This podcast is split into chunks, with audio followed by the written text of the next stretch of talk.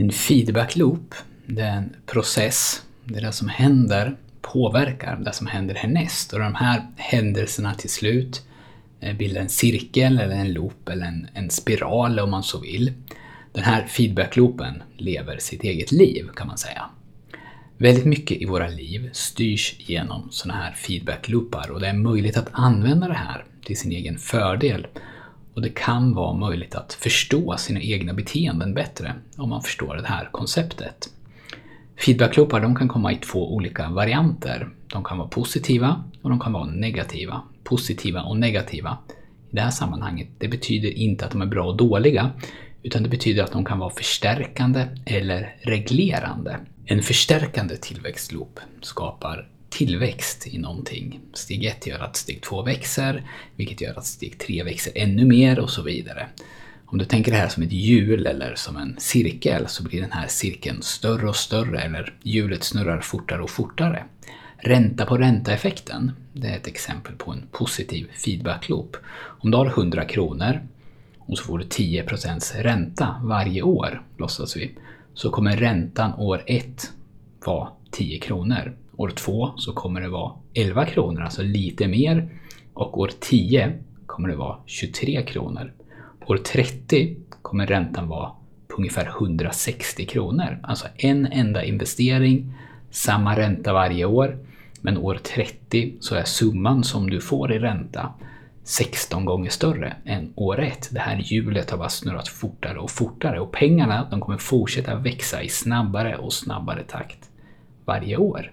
Ett exempel på en negativ feedbackloop skulle kunna vara hur kroppen reglerar vår temperatur. Om vi blir för varma så börjar vi ju svettas för att kyla ner oss. Ju mer nedkylda vi blir, desto mindre svettas vi till kroppens temperatur är reglerad igen. Den här loopen hindrar ju förändring och tar tillbaka kroppen till normalläget. Så den här cirkeln då, om man tänker sig den, den snurrar precis som den andra i början då, lite fortare. Men när den börjar bli större eller börjar snurra snabbare så ser feedbacken till att den saktar ner eller blir mindre igen. Men den ser också till att det här hjulet eller den här cirkeln inte stannar helt eller inte krymper ner helt. För om vi låtsas att vi först är jättevarma och börjar svettas och sen kylas, kyls vi ner eh, och kroppen upptäcker då att vi av någon anledning kanske blir för kalla. Då börjar ju kroppen att hitta ett sätt att föra tillbaks kroppstemperaturen igen och då börjar vi skaka eller kanske hacka tänder. Så vi försöker hela tiden reglera oss till normalläget. I livet så skulle en enkel feedback-loop kunna se ut ungefär så här. Låt, låt oss låtsas att jag vill ägna några minuter varje morgon åt att skriva dagbok. Om jag då efter första dagen sätter upp en kalender på kylen som jag ger titeln dagbok och där gör jag ett stort grönt, en stor grön bock på dagens datum när jag har skrivit min dagbok. När jag sen kliver upp imorgon bitti och går till kylen och ser den där bocken så är det nog lite större chans att jag skriver dagbok idag också än vad det hade varit om jag inte hade sett kalendern. Varje dag nu jag ser de här bockarna går det lite lättare. Dels då för att jag håller på att skapa en vana, men också för att jag ser den här raden av gröna bockar. Dag 30, men jag har 29 gröna bockar i rad, så det är troligtvis mycket, mycket enklare att skriva dagbok än det var dag två med bara en ensam bock.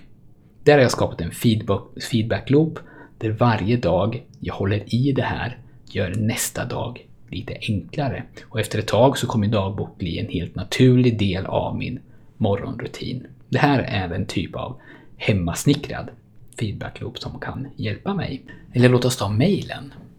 Om du är extremt tillgänglig och till, tillmötesgående i ditt mejlbeteende, du svarar på alla mejl så fort du får dem, eh, du försöker alltid svara på bästa sätt och du försöker göra det som du ombeds att göra, så kommer det att skapa en feedback loop som bara snurrar fortare och fortare.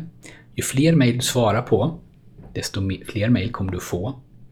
Ju snabbare du svarar på mejl, desto fler mejl kommer du få. Och ju fler sådana här tjänster som du ställer upp på och ju fler saker du tar på dig att kolla upp åt andra, desto fler förfrågningar kommer du att få. Till slut så kommer du inte ha någon tid att sköta ditt egentliga arbete och ju mer tid du lägger i mejlen, desto snabbare kommer den här inboxen att växa. Desto snabbare kommer det här hjulet att snurra.